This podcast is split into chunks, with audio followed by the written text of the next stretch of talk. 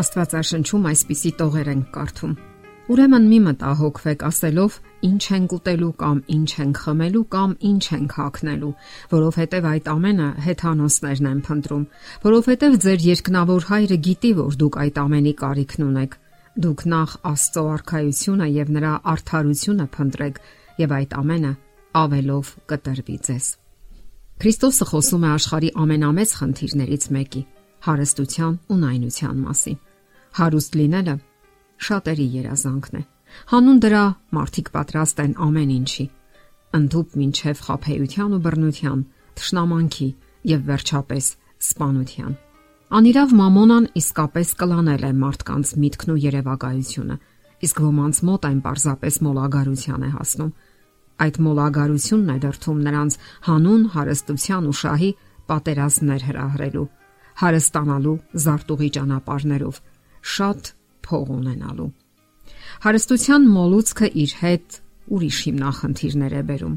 Այն պատճառ է դառնում անարթարության ու բռնության, թշնամանքի, եսասիրության, ագահության, շահագործման։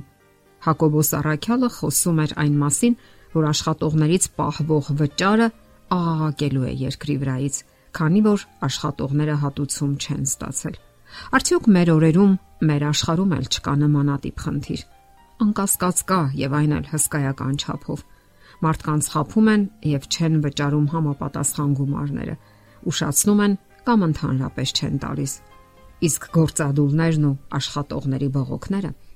անմարտկային պայմաններում աշխատելը, ընդ որում չմոռանանք, որ սրանք նաև Հիսուս Քրիստոսի վերադարձի նշաններից են։ Տնտեսական ճգնաժամեր։ Սա սովորական երևույթ է դարձել մեր օրերում Աստվածաշունչը չի ասում, որ հարուստ մարդիկ կտուժեն միայն գործադուլների պատճառով։ Տնտեսական անկարգությունը շարունակում է քաոս սփռել ողջ աշխարհում։ Յուրաքանչյուր պատերազմից հետո երկիրները դրամի արժեքի անկում են ունենում, իսկ շատերն էլ սնանկանում են։ Շատ երկրներ, հատկապես աղքատ ու անկայուն տնտեսություն ունեցողները, ուշքի չեն գալիս այդ հարվածներից եւ մշտապես սպարտքերի մեջ են։ Արժեթղթերի շուկան մշտապես թռիչքներ եւ անկումներ է ապրում աճում է գործազրկությունը։ Ընտանիքները կորցնում են իրենց տները, զրկվելով գրավադրված գույքի հետգնման իրավունքից։ Բոլոր երկրներում մարդկանց շուրթերին այս հարցն է հնչում. Ինչ է կատարվում։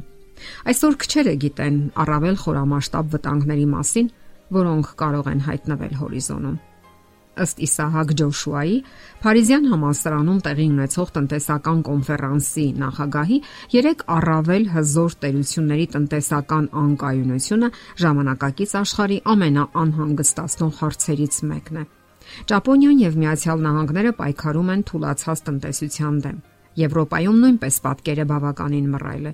Այդպիսի պայմաններում ոչ ոք չի կարող բացառել համաշխարհային տնտեսական անկման հնարավորությունը Դա ֆինանսական հողմ է, որը սպառնում է իր ճանապարհին ավերել ամեն ինչ։ Մասնագետների կարծիքով կարելի է սпасել կամ սուր, կամ պակաս արտահայտված, բայց առավել երկարատև ճգնաժամի։ Եվ եթե դա իրական սպառնալիք է տնտեսական ամենազարգացած 3 պետությունների համար, պատկերացրեք, թե ինչ կլինի պակաս ապահովված երկրներում,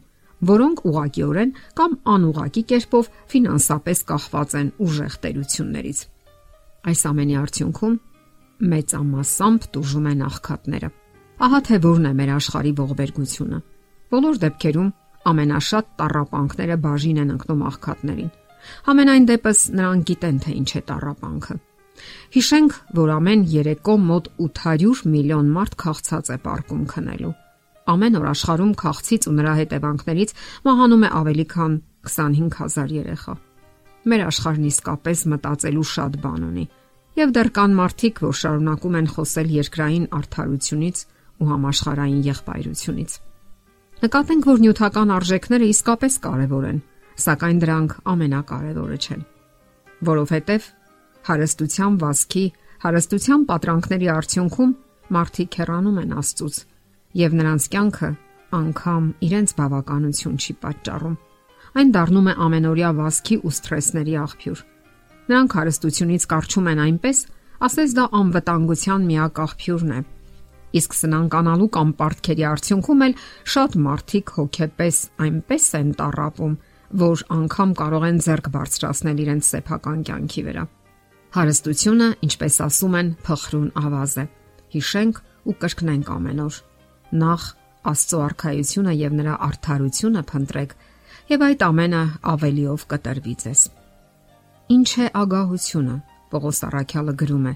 որովհետև սա գիտեք, որ ոչ մի ագահ, որ կռապաշտ է, ժառանգություն ունի Քրիստոսի եւ Աստծո արխայության մեջ։ Որովհետև Արաքյալը հիանալի գիտեր, որ հարստության մոլուցքը եւ ագահությունը հարազատ եղբայրներ են։ Իսկ նման մարդիկ հավերժական կյանքը չեն ժառանգի։ Ընդհանուր առմամբ է մի բան. ագահությունը իր բոլոր դրսևորումներով շատ ճարիքների արմատն է։ Ահա թե ինչու դեռևս 2000-ամյակ առաջ Պողոս Արաքյալը գրել է այդ մասին։ Մարդկանց կոչ անելով, որ չձգտեն ավելի ու ավելի շատ նյութական արժեքների, այլ նպատակ դարձնեն ճշմարտությունը, առաքինությունը, հավատը, սերը, համբերությունն ու հեզությունը։ Երկրային գանձերը հակադրեն երկնայինին։ Եվ պատահական չէ, որ նա ագահությունը համեմատում է կռապաշտության հետ, որովհետև ագահ մարդու մոտ Աստծո տեղը զբաղեցնում են դրամները։ Հենց այսօր մտածեք այդ մասին։ Ցանկանում եք հավերժական կյանք մտնել։ Եթե այո, ուրեմն ամենից առաջ Աստծո արխայությունն ու արդարությունը որոնեք, եւ դուք կունենաք ամեն ինչ։ Եթերում է ղողանջ հավերժության հաղորդաշարը։ Ձեզ հետ է Գեղեցիկ Մարտիրոսյանը։ Հարցերի եւ առաջարկությունների համար զանգահարել 033 87 87 87 հեռախոսահամարով։